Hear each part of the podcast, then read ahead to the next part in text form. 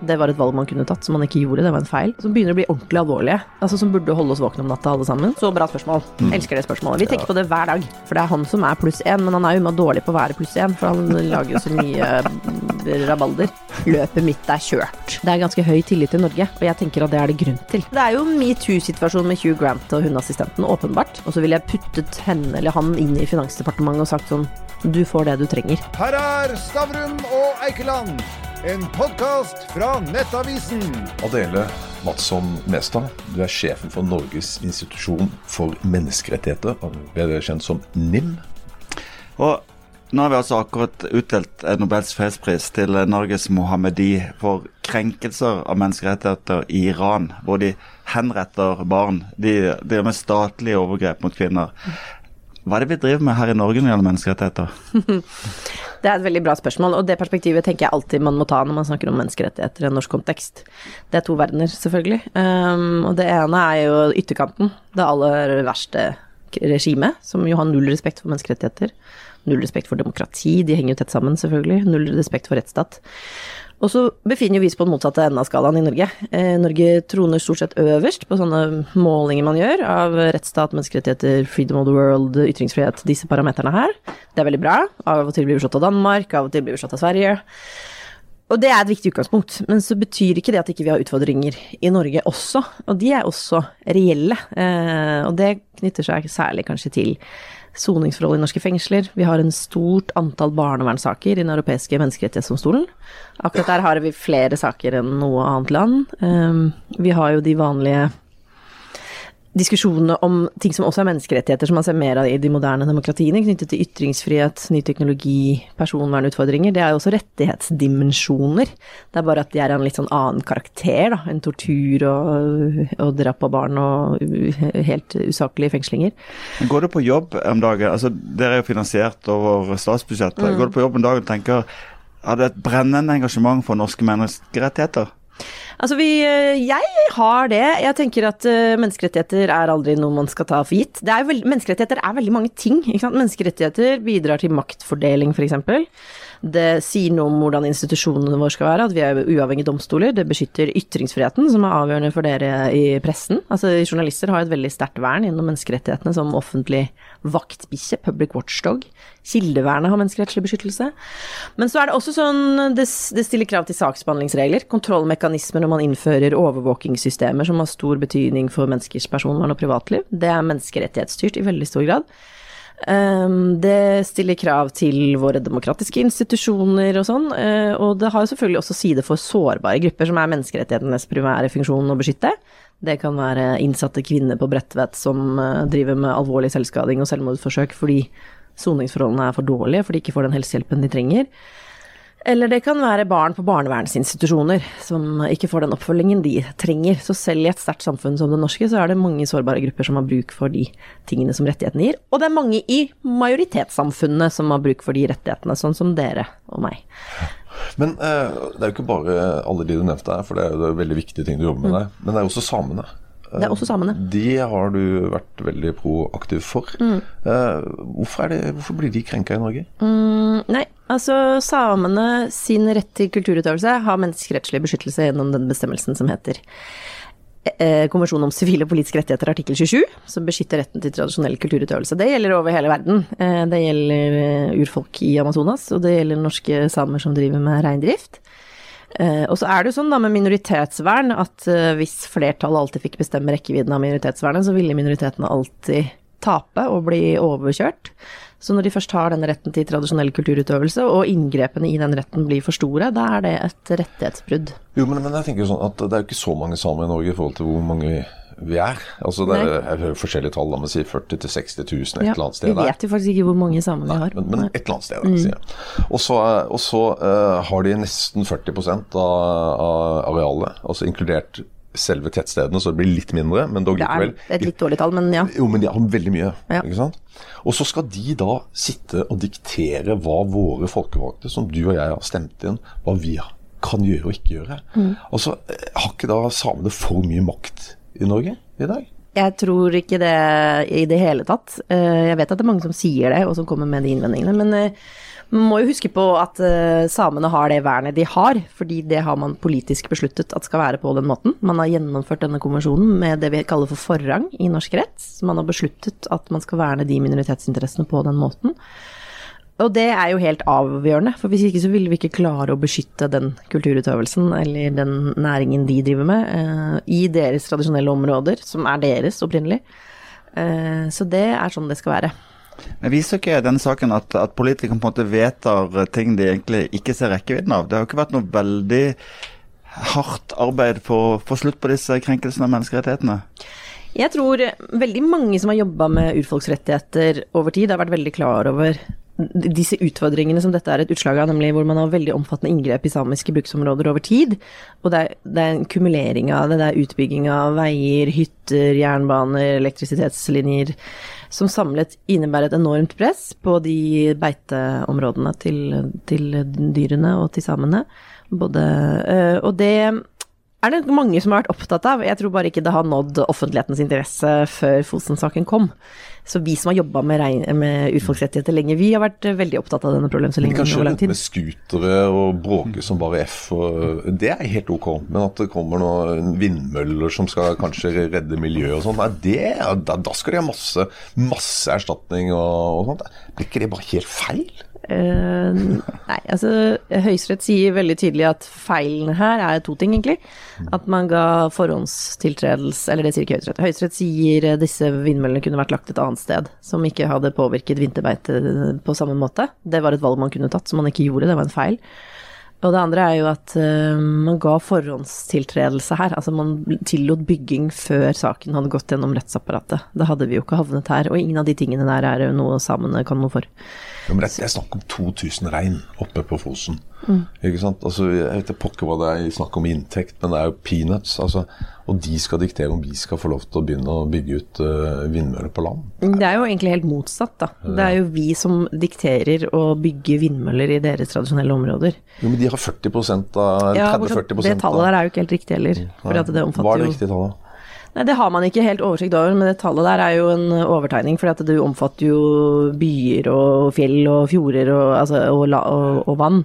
Så området er nok mye mindre. Og det er jo ingen som har sagt at at de Det er jo nyanser her. De, når man uh, iverksetter denne type utbyggingstiltak, så har man masse plikter. Man skal konsultere med de involverte samene, og man må passe på å ikke være over denne terskelen, altså som er at det får vesentlig negative konsekvenser for reindriften i de relevante områdene.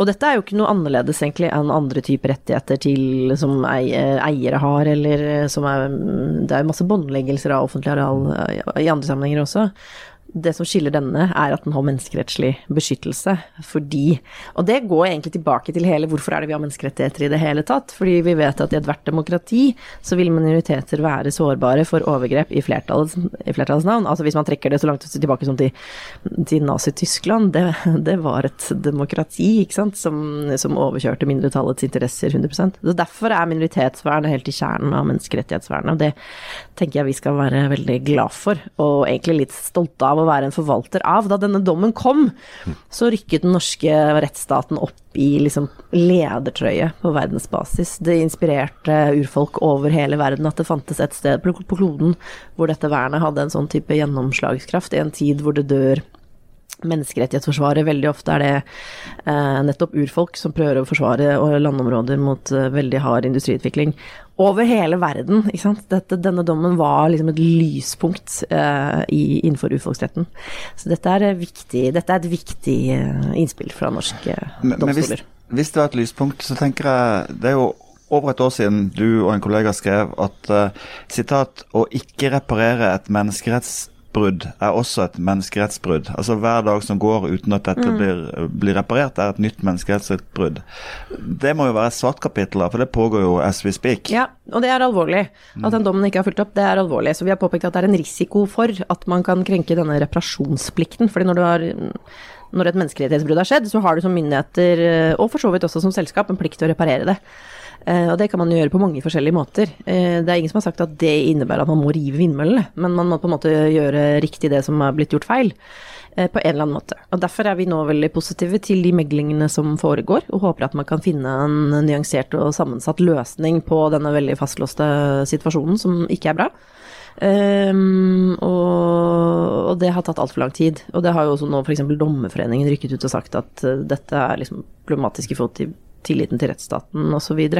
For uavhengig av hva man måtte mene om denne dommen, som mange mener ulike ting om, så har man en plikt til å følge opp uh, dommer fra vår øverste domstol. Så det er viktig. Men, men uh, når da ulike menneskerettighetsfeil krysses, da ulike menneskerettigheter kolliderer. Ja, ikke sant. Ja. Så, så, så, tenker jeg sånn, for det, her er det jo samene og bruddet for dem. Mm. Og, og sånn. Også, men så har du klima. For det er jo du veldig viktig mm. for deg. Mm, veldig viktig for oss alle, vil jeg tro. ja, ja, men, men, men, ja, men også hele Ja, ja, ja. Men særlig ja, Egentlig alle tenkt på det som en menneskerettighet, det var jeg enig med. Men, men, men, her krysses jo Her er det konflikt.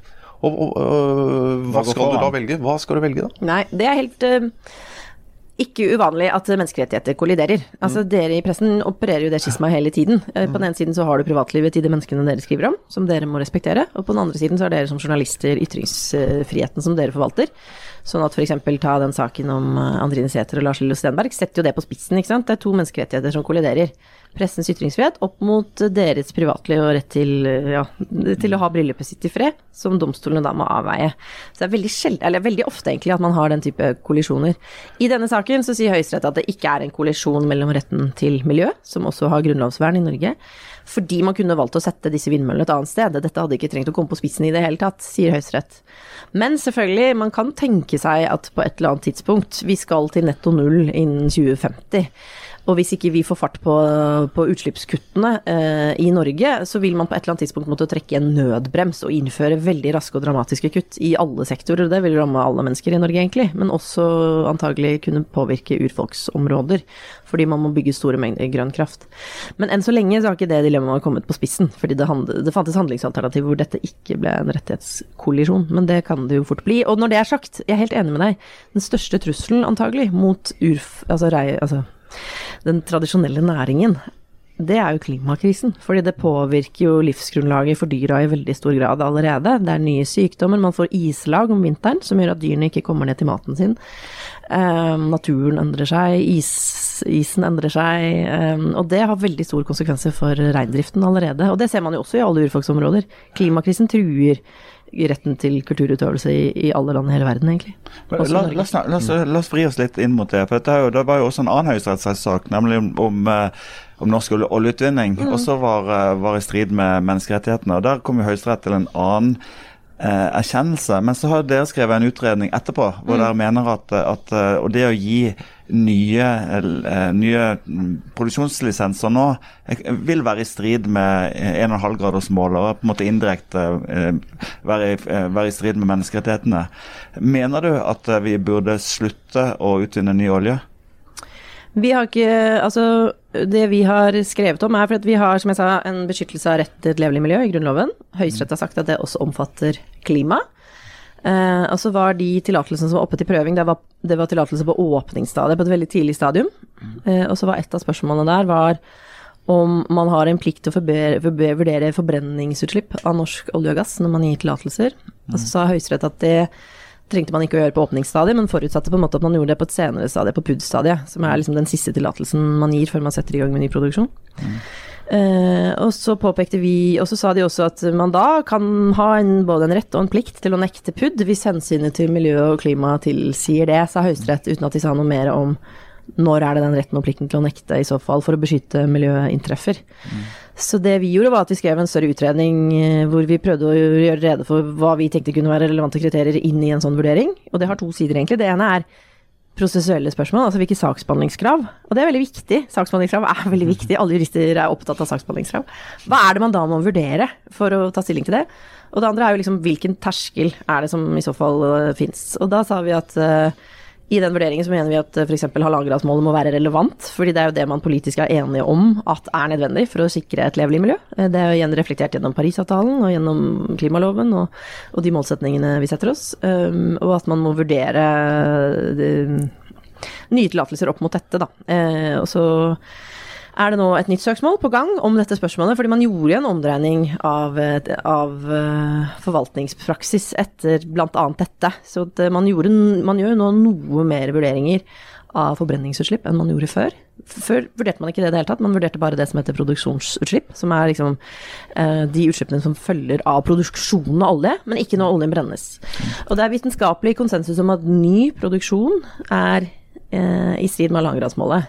Det tror jeg ikke det er noen som er uenig i, egentlig. Eh, det er ikke plass til mer. Altså, hvis vi skal nå langgradsmålet, så kan det ikke gis nye tillatelser. Og så blir jo spørsmålet da om det er et relevant kriterium når man skal vurdere hensynet til et levelig miljø eller ikke. Det mener vi at det er. Ja, det mener jeg at det er. Og hvis jeg hadde sittet og vært mottaker og sittet på Stortinget, så ville jeg, ville jeg, sagt at det var et ganske klart signal fra dere om at vi kan ikke gi nye eh, produksjon Vi kan ikke åpne for ny oljeproduksjon hvis vi skal vurdere det i forhold til halvannengradersmålet og klimagassutslipp. Med mindre man kan sannsynliggjøre at det er forenlig skrev vi. Mm. Um, og det vil jo noen f.eks. si ja, dette skal gå til plastproduksjon, her kan vi ha renseanlegg osv. Ting som gjør at det er uh, forenlig.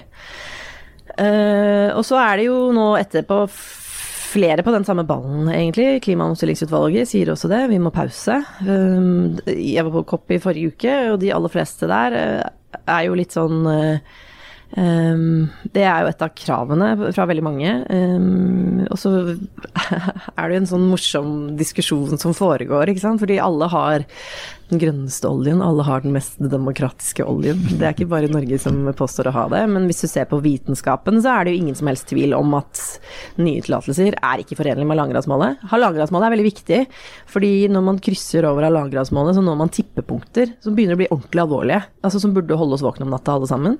At eh, grønlandsisen smelter, at man får metangassutslipp fra Russland osv. Det, er, er derfor halvannengradsmålet er viktig. Fordi det, du risikerer da en kaskade av samvirkende tippepunktscenarioer som vi ikke helt vet hvordan vil påvirke. Og så er vi i Norge enn så lenge godt eh, skjermet fra disse konsekvensene. Jeg satt sammen med en kollega fra Eh, Samoa, hun, hennes øy synker. Tuvalu risikerer man i noen av de verste scenarioene at det er borte i løpet av 50 år. De planlegger nå hvordan de kan migrere til Australia som samlet folk når øya deres eh, blir borte.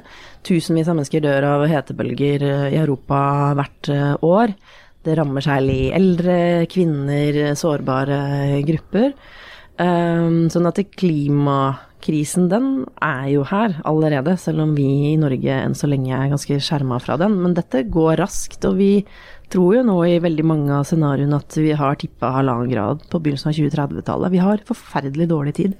Helt kort som avslutning på det, hva tror du Høyesterett ville si om dette?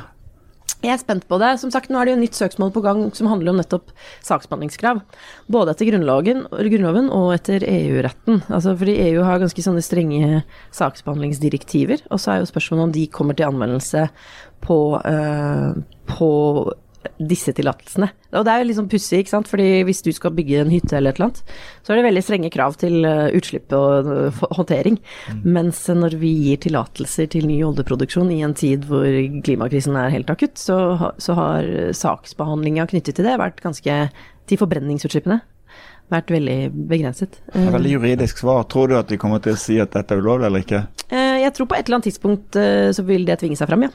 At de må si det. Mm. Men, men altså, når jeg hører på deg, så skulle jeg nesten tro du var i politikken. Mm. Altså, altså, men, men det, altså, det, du driver med, skal du virkelig gå så langt og diskutere, altså være så på klima og sånt nå? For det, jeg tror ikke Sylvi Listhaug hadde sagt det samme som deg hvis du hadde vært uh, sjef for menneskerettighets... for NIM. Ja. Nei, jeg tror Sylvi Listhaug ville være enig med meg i at klimakrisen kommer til å føre til flyktningkriser som mm. ikke ligner noe vi har sett før i verden. Så det er en grunn til å være veldig opptatt av klimakrisen, som jeg syns vi snakker altfor lite om. hvis du ser på ja, hvis du ser på de provisjonene som finnes på de tallene, så er det helt sinnssvake. Fordi det er jo ikke bare de landene vi er vant til å få flyktninger fra som blir ubeboelige med de scenarioene vi ser, det er jo veldig mange land.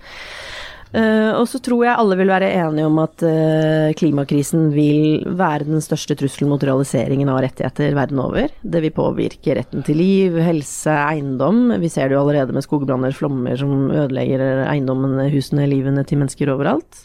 Og det vil også skje i Norge. Vi har akkurat hatt en svær flom i Norge, f.eks. Ja. Og så tror jeg veldig mange vil si at man som menneskerettighet, altså som stat, har en plikt til å beskytte menneskene mot disse farene. Det har man jo, altså det er ikke noe tvil om. Det er det rettspraksis på fra Den europeiske menneskerettighetsdomstolen. At du, som stat må du beskytte menneskene mot fare du er kjent med. Om det er et ras eller et skred eller smittsomme sykdommer, så må du beskytte menneskene, menneskenes liv i, et, i en stat. Det er en åpenbar menneskerettighetsforpliktelse staten har. Og så er det siste spørsmålet Og så, er det jo, og så må du gjøre det på måter som ikke krenker rettigheter. Det er Fosen et eksempel på. Du kan ikke på en måte mm, gjennomføre et grønt skifte uten å beskytte rettigheter. Du må klare å gjøre begge deler. Den sammenhengen er alle enige om. Og så er det siste spørsmålet har staten også menneskerettighetsforpliktelser da til å kutte utslipp? Og det er det spørsmålet som er nå oppe i Menneskerettighetsdomstolen i fire saker i plenum. Uh, og, som kom, og, som er oppe i en rekke domstoler i hele Europa, hvor domstoler går inn og prøver om de utslippskuttmålene som statene setter seg, er tilstrekkelig for å beskytte rettigheter. Så jeg syns ikke egentlig denne sammenhengen er så veldig rar. Det er en, en, en, en det er en, utrolig farlig ting som truer mennesker. Det er klart at det handler om menneskerettigheter. Men ok, uh, veldig bra. Men uh, skal ikke dra det videre. Men, men uh, nei, vi, kan, vi må jo snakke om andre ting òg. Jeg tror det du spør om egentlig er når, når slutter politikken? Når begynner ja. jussen? Det er et så bra spørsmål. Mm. Elsker det spørsmålet. Vi tenker ja. på det hver dag. Mm. Det er noe av det vi tenker mest på. Ja. menneskerettigheten skal aldri være noe annet enn en ramme. Altså Innenfor det så skal politikken styre, selvfølgelig. Det mener alle. men alle menneskerettigheter gjennomføres gjennom politikk. Det er ikke noen magiske osmosemåter å gjennomføre menneskerettigheter på enn gjennom politikk. Sånn at eh, det er klart at menneskerettighetene ligger tett på politikken. Men det er også politisk besluttet i Norge at menneskerettighetene skal ha forrang i norsk rett, og sette noen grenser for dem. Men det er ytterst sjelden at vi går ut og sier dette er et menneskerettighetsbrudd. Noen ganger sier vi vi tror rettighetene vil realiseres bedre på denne måten, eller vi tror at ytringsfriheten f.eks. vil eh, ivaretas bedre hvis vi tenker på de og de tingene, om det kan være institusjonelle krav eller hvordan reglene utformes. Det er ganske sånn tekniske sammensatte vurderinger. Men, eh, men, det er veldig sjelden at vi sier dette er et menneskerettighetsbrudd, annet enn når det er enten på Altså noen har sagt det i en domstol, eller når det er liksom åpenbart ut fra eksisterende praksis, da. Eh, sånn at vi er veldig opptatt av skillet mellom juss og politikk. Og det er innmari viktig, fordi hvis rettighetene går for langt, så får man veldig sterke motbevegelser. Og det ser man i veldig mange land i Europa nå. Det er bare å se på Nederland eller østeuropeiske land hvor Og det kan være veldig mange forskjellige typer motbevegelser. Uh, I Øst-Europa så er de veldig ofte verdibaserte, ikke sant. Du har hatt en skeiv bevegelse som mange nå får kjempesterk motstand mot. Se på Russland, f.eks. Og nå, nå, sier ikke jeg at det, det er et utslag av at rettighetene har gått for langt, men det er noens oppfatning. Så man må bare være veldig klar over den negative dynamikken du får når rettighetene går lenger enn det er demokratisk legitimitet for. Så demokratisk legitimitet for rettigheter er helt avgjørende mm. for at de skal virke i et demokrati. Dette var bra. Dette var bra. Du, um, uh, men nå har jeg lyst til å vite litt mer om uh, Adele Mottesson uh, Mestad. Altså, hvem er du? Mange kjenner deg, men ikke alle. Nei, nei det håper jeg da ikke. Nei. nei. Det tror jeg virkelig ikke heller. Nei, um, jurist, da. Jeg jobba hos regjeringsadvokaten i ti år før jeg begynte hos NIM. Um, Ryktet sier at hun fikk to blank. Det er bare rykte. I don't know. Altså, det, det, er veldig bra. Det, det er veldig bra, Gunnar. Ja, det jeg lurer på, Du har jobbet ti år hos regjeringsadvokaten. Begynte du direkte fra konfirmasjonen? Eller når var du begynte? Ja, begynte rett fra konfirmasjonen. Så det var en slags doktor Dugi, doktor Dugi holdt jeg på å si. Nei, oh, ja. Husker du han? ja. ja. Dette er back memory lane. Nei da, jeg begynte rett fra studiene. Kjempefin arbeidsplass. Veldig gøy sted å lære faget. Utrolig flinke folk og utrolig inspirerende sted. Var der i ti år um, og fikk ha mine saker der. Siste saken jeg hadde var veldig interessant. Det var den saken Anders Behring Breivik anla mot uh, staten, om at soningsforholdene hans var i strid med menneskerettighetene. Så da hadde jeg den delen av saken som handlet om hans rett til å korrespondere med sine omgivelser og motta besøk uh, under soning. Mm, um, så skulle de etablere denne NIM, da, som ble etablert i 2016. Det er et organ som FN vil at alle stater skal ha. Så da begynte jeg der som nestleder, og så ble jeg utnevnt av Stortinget som direktør etter uh, to år. Som er veldig flott, faktisk, kan jeg si det. Da, de sånn, da, er det noen som har laget en innstilling, og så skal de stemme, og da driver de og reiser seg og setter seg og sånn. Så det var en veldig sånn fin måte å bli utnevnt ja. uh, til en jobb på. Ja. Og så er du også gift med skuespilleren Henrik Mestad. Mm. Og uh, alle som er litt sånn sammen med folk som kanskje er litt kjente. Mm. Hvordan, hvordan, oppleves det egentlig? Er det bare positivt, eller er det noe sånn som irriterer deg innimellom? Mm. Mm. Nei, det er veldig gøy å ha en ektefelle som driver med noe helt annet enn en selv. Det tror jeg er veldig sunt. Mm. Og så er jo han en veldig Han er jo god i faget sitt, men han er også en veldig klok fyr, så jeg får mye liksom, hjelp og refleksjoner fra han om ting. Eh, og så ja, nei, det er ikke så mange ulemper, vel. Du blir invitert på parties og sånn, ja. og så står, står sånne Ja, sånne i pressen, da. Ja, ja, ja, sånne, sånne Hvordan oppleves det sånn at det, det er veldig gøy. Det er du som er invitert? Ja. Det er jeg som er Sånn som i går, da, så så er, bare så, da er jeg liksom kona til Henrik Mestad på fredsprisutdelingen.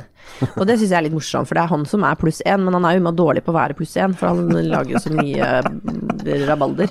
Eh, eller han er veldig god på det, da. Kjempefin i smokingen sin også. Så han var det. Men du sa noe, altså at, at uh, det å være sammen med noen som kanskje ikke gjør det samme, mm. Altså det gir deg Altså det gir mye. Ja. Uh, kan, kan, du fortelle litt mer om det? For han driver med et kreativt yrke, mm. og, og, du er jo paragrafer og, ja. og ditt og datt. På, på hvilken måte kan mm. hjelper det?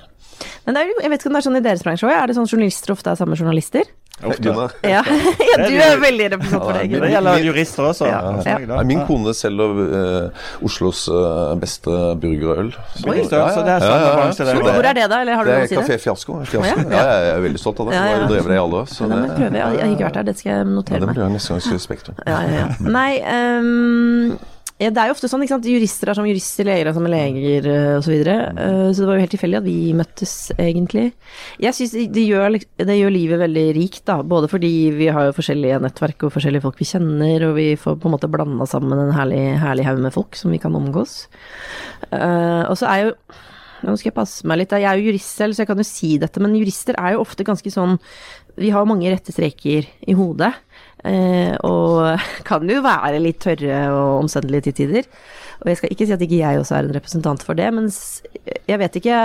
Um, han tilhører jo en yrkesgruppe som eh, som har litt mer skjevhet i seg, kanskje. Litt mer kreativitet og, og, og andre typer farger. Um, og det det setter jeg veldig pris på. Jeg syns av og til det er mange måter å forstå verden på, og min er én, mens han er en helt annen. Og da får jeg hans blikk på ting. Det er akkurat som man på en måte Jeg syns ofte man ser verden gjennom prismer. Og så har man egentlig bare lyst til å liksom legge på flest mulig lag med prismer. Så det bidrar liksom til et mer helhetlig forståelse av verden, da. Å mm. ha helt andre perspektiver. Uh, og så er det jo av og til innmari irriterende, selvfølgelig, fordi eh, Når vi hadde små barn, da, så skulle jeg kanskje ta med de på jobben og stolt vise frem mitt eh, fine kontor og sånn. Og så var jeg sånn Se her er en kopimaskin, og dette er en stiftemaskin og sånn. Og så fikk de være med Henrik på Nationaltheatret, og da spilte de den kjempestore pæra, og de fikk kjøre rundt på den pæra og sånn. Og så drev alle og spurte sånn Ja, hva skal dere bli? Skal dere liksom få samme jobb som mamma eller pappa? Da skjønner jo da at løpet mitt er kjørt, liksom. Ja, mine kids blir med å tappe øl. Ja, det er, det, akkurat det samme. Du ja, skjønner at de heller vil tappe øl enn å sitte her i dette kulturlandskapet og kjede seg. Ja. Men du, altså, Folk kan få inntrykk av at du på en måte er veldig rettlinja, men det er du jo ikke. Du, du er jo ikke den typen, egentlig. Men så har jeg lyst til å snakke litt om deg, din, din utvikling. Du du dro et år, eh, var backpacker et år rett etter videregående, mm. og sier at når du dro gjennom eh, Sør-Amerika eh, som backpacker, da oppdager du, du, hvor jævlig urettferdig livet er. Mm. Jeg vil tro at det på en måte er noe som, har, som sitter i deg fortsatt. Ja, det gjør det. Det var veldig sånn, Har dere lest eller sett den boka 'Motorsykkeldagbøkene' om Che Guevara sine Ikke ingen sammenligning med meg og Che Guevara for øvrig, men, eh, men jeg var veldig skjerma. Jeg levde et veldig skjermet og fin og trygg og god oppvekst på mm. alle vis. Og så plutselig så skulle jeg ut og backpack og fant meg i Sør-Amerika og høyt oppe i fjellene, og det var veldig kaldt, og folk sulta og bodde på gata. Og, og da bare Det var sånn veldig mm, formende øyeblikk, egentlig. Tenkte jeg sånn, fy fader, denne verden Ja, det høres jo litt klisjé ut, kanskje, men er veldig urettferdig, og det tenker jeg veldig ofte. Altså Det derre vinnerloddet vi trakk, alle vi som sitter i dette rommet når vi ble født her, innen dette landet, under de forutsetningene det er så enormt heldig. Ikke sant? Man er på 0,0001 av verdens befolkning gjennom bare det ene. Og så betyr ikke det at alle mennesker i Norge har det bra, men det betyr at vi har veldig gode forutsetninger, og vi har gode systemer for å hjelpe oss hvis vi av ulike grunner kommer skjevt ut. Um, og det tenker jeg forplikter litt, da. Uh, og så var jeg liksom heldig, og det gikk ganske greit med meg gjennom jussen, og jeg hadde måte tenkte jeg dette må jeg klare å bruke til noe som er bra, da. Uh, noe sånt. Ja, for du kunne, altså, jeg, antar at ikke du har lyst til å snakke om det sjøl, men du har jo da sinnssykt gode karakterer på juss. Altså to blanke, og du har A-er. Og du går rett fra studiet til regjeringsadvokaten, og du får etter hvert møterett på Høyesterett for regjeringsadvokaten. Da er det ikke noe dumming juridisk. Så du Nei. kunne jo tjent titalls millioner kroner et hvilket som helst advokatfirma mm. i Oslo. Hva var det som gjorde at ikke du gjorde det? Nei, jeg hadde noen uh noen ganske sånn lukrative tilbud på bordet da jeg begynte den jobben jeg fikk. Ja. Eh, Så det er et fint spørsmål, det. Og av og til så dukker opp sånne lister over eh, folk som tjener forferdelig bra. Noen av de var jo naboene mine før. Eller mange av de, egentlig. Så de har det jo bra, da.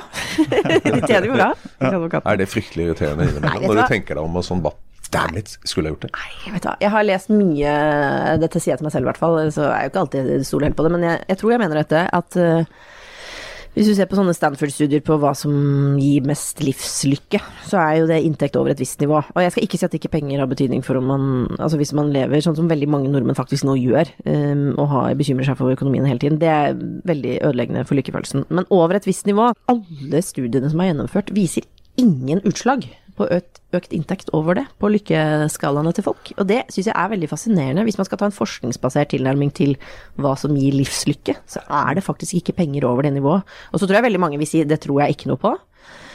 Jeg vet ikke, jeg har aldri prøvd det. Jeg tenker at uh, man vil nesten alltid bare ha mer, jeg vet ikke, mer øh, Det er naturlig, tror jeg, som menneske. Men øh, Så når du da kjører over til Vestlandet og synger denne sangen sammen med familie, bømlo, bømlo, Ja. et eller annet sånt nå, så kan du si edda badda til de der som da sitter foran dataskjermen og skal tjene de siste millionene. Jeg vet ikke. Jeg har i hvert fall ganske mye autonomi i jobben min. Jeg har kontroll over egen tid. Det er ganske livslykkegivende også.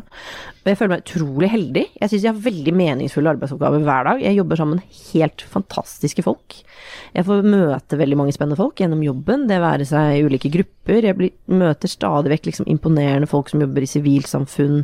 Veldig mange idealister. Det finnes mange av dem, og de, de finnes i mange farger og fasonger. Jeg møter idealister i forvaltninger, jeg møter idealister i organisasjon, i barneorganisasjoner, på rusfeltet. Jeg møter kule journalister som mener bra ting, og jeg møter flinke politikere og folk, flinke folk som jobber, jobber i kontrollorganene. Det er et det er en veldig heldig posisjon, for man blir på en måte Det er ganske høy tillit i Norge, og jeg tenker at det er det grunn til. Det er veldig mange bra mennesker som går og gjør bra ting, og det å ha det som en del av arbeidshverdagen sin hver dag, og få det innblikket, det tenker jeg er et kjempeprivilegium. Så jeg syns jo jeg er helt sykt heldig. Nå har vi jo glemt det vi egentlig inviterte deg også for å snakke om, nemlig at uh, der, du, du og flere har sett på hvilke følger kunstig intelligens har for ytringsfriheten Ja. i Norge. Og hva er, hva er trøbbelet med kunstig intelligens og ytringsfrihet? Det er litt morsomt, for jeg satt jo i Ytringsfrihetskommisjonen, som ble ledet av din eminente, kloke, flinke kone, eh, som jeg syns ble veldig bra. Eh, vi jobba jo mye med ny teknologi. Vi skrev veldig mye om reguleringer av big tech, eh, altså Facebook, Twitter, og sånn, og hvilket eh, makt de har over ordskiftet, som jo nå har blitt eh, regulert gjennom DSA og DSM, altså disse EU-direktivene.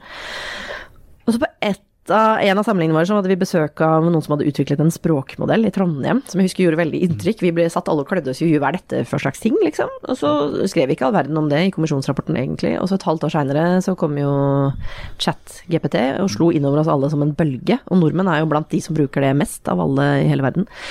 Problemet med det, eller det kan jo ha mange positive sider sikkert, jeg tror mange tekster kan bli bedre og det er masse bra med det, men, men det betyr jo også at veldig mye tekst vi nå omgår oss med, er ikke lenger skrevet av mennesker. Og det er jo helt grunnleggende. ikke sant? Vi har ytringsfrihet, beskytter de tankene og skriftene som vi alle mennesker skriver, og nå er veldig mye av det ikke lenger laget av mennesker. Hva, hvilke konsekvenser har dette for ytringsfriheten, for ytringsfrihetens begrunnelser, for hvordan vi skal forholde oss til tekst, til sannhetssøken, til demokrati, autonomi, alle disse begrunnelsene som, som vi har for ytringsfriheten, som jo liksom peker tilbake på en lang idéhistorisk tenking rundt hva ytringsfrihet er beskytter ytringsfriheten ytringene til øh, kunstig generert innhold, f.eks.? Det er et spørsmål. Og ikke minst, hva kan vi gjøre for å møte denne utviklingen? Både regulatorisk og på andre måter, da, eh, som går så fort. Og hvor, apropos det tempogreiene, ikke sant, at vi henger jo ikke med i det hele tatt, i verken vår forståelse av det, eller vår regulering av det, eller vår institusjonelle innretning rundt det. Eh, Vi sitter jo ikke med i de forhandlingene som skjer i EU om noen av denne digitale utviklingen. Eh, Norsk språk er særegent, hva betyr det? Det er så utrolig mange spørsmål da, som vi prøvde å begynne å grave litt i eh, gjennom den rapporten, sammen med kjempeflinke kollegaer i Teknologirådet. Men er ikke det er ikke litt av greia, altså? For uh, den inputen altså bygger på menneskelig input. Mm. Eh, Den, eh, altså det som kommer ut av ChatGPT. Ja. Og? Så, så, øh, så, så sånn sett så er det det er mennesket som står bak. Er ikke problemet at hvilken menneskelig input har gått inn for å bearbeide det som kommer ut? Det er vel det som er challengen, sånn som jeg ser det. Ja, det er jo et diskrimineringsspørsmål langt Ja, vei, da. For ja. du kan jo få veldig mye usaklig informasjon ut, basert på den informasjonen du putter inn.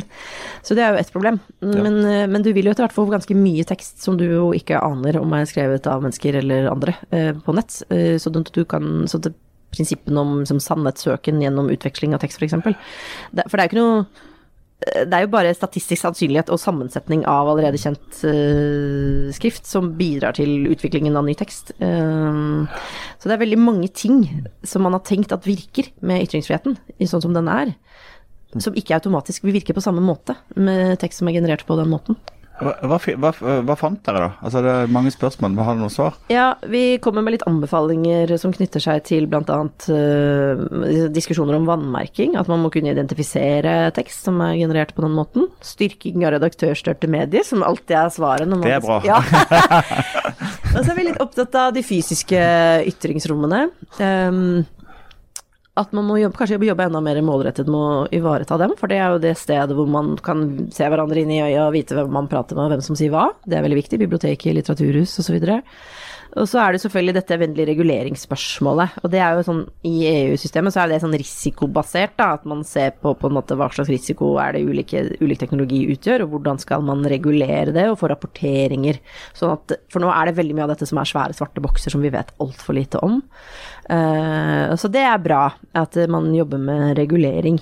Men det er et lite dilemma der òg, ikke sant. Fordi EU er jo blitt veldig gode på reguleringer, mens innovasjonen skjer andre steder. Så man må også tenke gjennom liksom forholdet mellom regulering og innovasjon, som også er en stor utfordring. Så vi har litt anbefalinger på dette. Problemet er jo bare ikke sant, at som jurist så vet jeg at eh, lovgivningsprosesser, og særlig når de er internasjonale, sånn som de er i EU, de vil nødvendigvis ta tid. Og det er egentlig bra, fordi jussen skal liksom være sånn olje på vannet ofte. Men vi har aldri sett så rask teknologiutvikling noensinne, vil jeg påstå. Den er eksponentiell, eh, og den løper fra oss hele tida.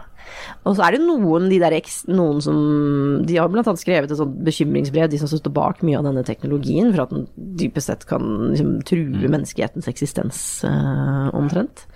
Eh, noen er jo i det ytre hjørnet, så får vi bare håpe at vi lander et eller annet sted i midten, da. Ok, dette er jo superinteressant, men, men eh, jeg må bare uh, spørre deg om dette. For det, når du skal virkelig bare slappe av, bare altså ikke gjøre seriøse ting, så, så liker du å sette deg i sofaen og se på romantiske komedier. Stemmer det? Ja. Altså, jeg så Love Actually nå for første gang etter eh, at eh, Woke og alt sånn kom til verden og sånt nå. Og, og selv den filmen der ville jo aldri gått gjennom sensuren i dag. Altså, da var Det det. Miss eh, Smultring i 2003 om dattera si, og det var mye annet som, som gikk. Og da lurer jeg på, har krenkepolitiet kommet for langt?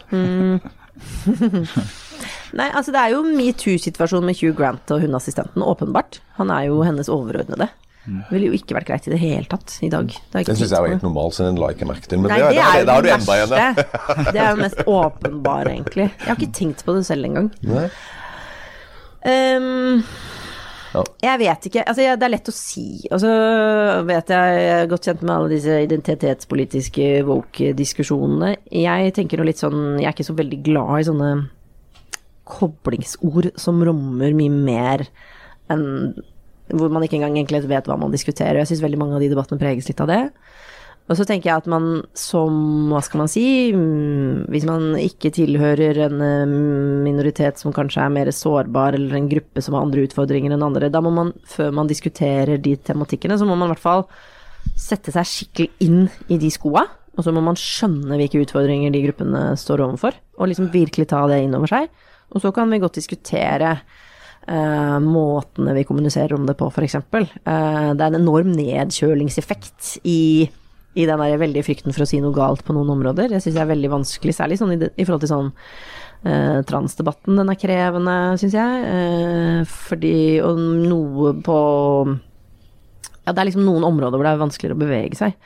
Men jeg, ikke, jeg tror ikke jeg er så glad i de derre veldig sånn sekkebeskrivelsene av problemer som egentlig er komplekse og sammensatte, da. Jeg liker å diskutere det mer konkret. Og så må man respektere de forskjellige Altså, man har forskjellige meninger, og det er jo Mm. ikke et svart-hvitt svar i alt dette her. Nei. Og det må man respektere. Det er man ikke så 100 uh, Og det er jo det er liksom tilbake til ytringsfriheten igjen. Grunnleggende sett så er man opptatt av ytringsfrihet, at det skal være mulig å mene ting fordi det er mye mindre farlig. Både fordi da kan man vise sin egen udugelighet og uvitenhet og få avkledd den. Eller fordi det kan bringe verden uh, fremover og man kan bli klokere av det. Begge deler er, er viktig, egentlig. Uh, så det er jo viktig. ikke sant? Jeg blir bekymra når jeg ser sånne ungeundersøkelser som viser at unge er redde for å ytre seg fordi de er redde for å krenke noen, f.eks. At man ikke læres opp til å tenke at oi, her er vi uenige, gitt. Det var jammen interessant. Lurer på hvorfor det. At man tenker på det som en positiv eh, ting, eh, som det stort sett er. Men det krever jo en viss jeg syns også man må kunne kreve en viss følsomhet eller empati med at folk har ulike forutsetninger inn i de debattene. Du kan snakke teoretisk om et tema, ikke sant. For, for noen er det ikke teori i det hele tatt. Og det må man liksom veldig du må gå i de skoa før man tramper veldig hardt inn og sier sånn Og det må noen tåle. Og så er de noen noen andre som ikke er en selv. Det syns jeg blir litt uh, for enkelt. Da må man i hvert fall tvinge seg selv til å liksom, sette seg inn i perspektivene til andre som bærer utfordringer man ikke selv gjør, da. Et siste spørsmål. Nå som nærmer seg jul, så er det en julegave. Nemlig, La oss tenke oss det helt fjerne at regjeringen kom til at de ville ha en justisminister som faktisk var god på juss og hadde levd en stund, eh, og ikke en av de syv-åtte forgjengerne.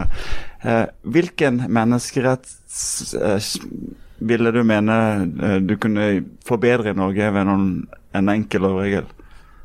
Altså hvis jeg var justisminister? Ja. Oi! Hm. Nei, jeg ville nok begynt med domstolene. Altså, frie, uavhengige, godt finansierte, systematiserte digitale domstoler, det er en sånn grunnpilar i samfunnet.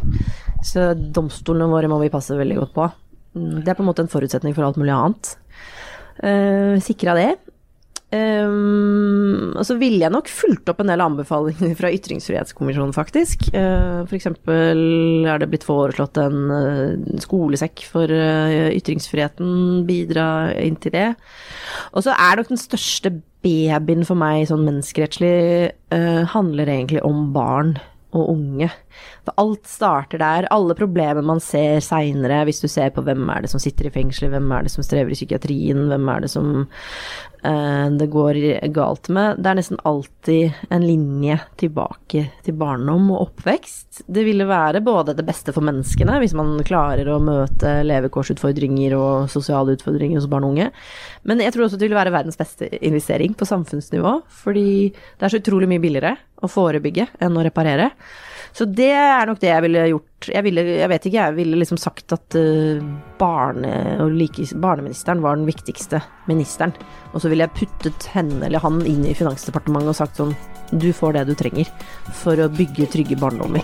Og da tror jeg samfunnet ville blitt så mye bedre. Ja, noe sånt.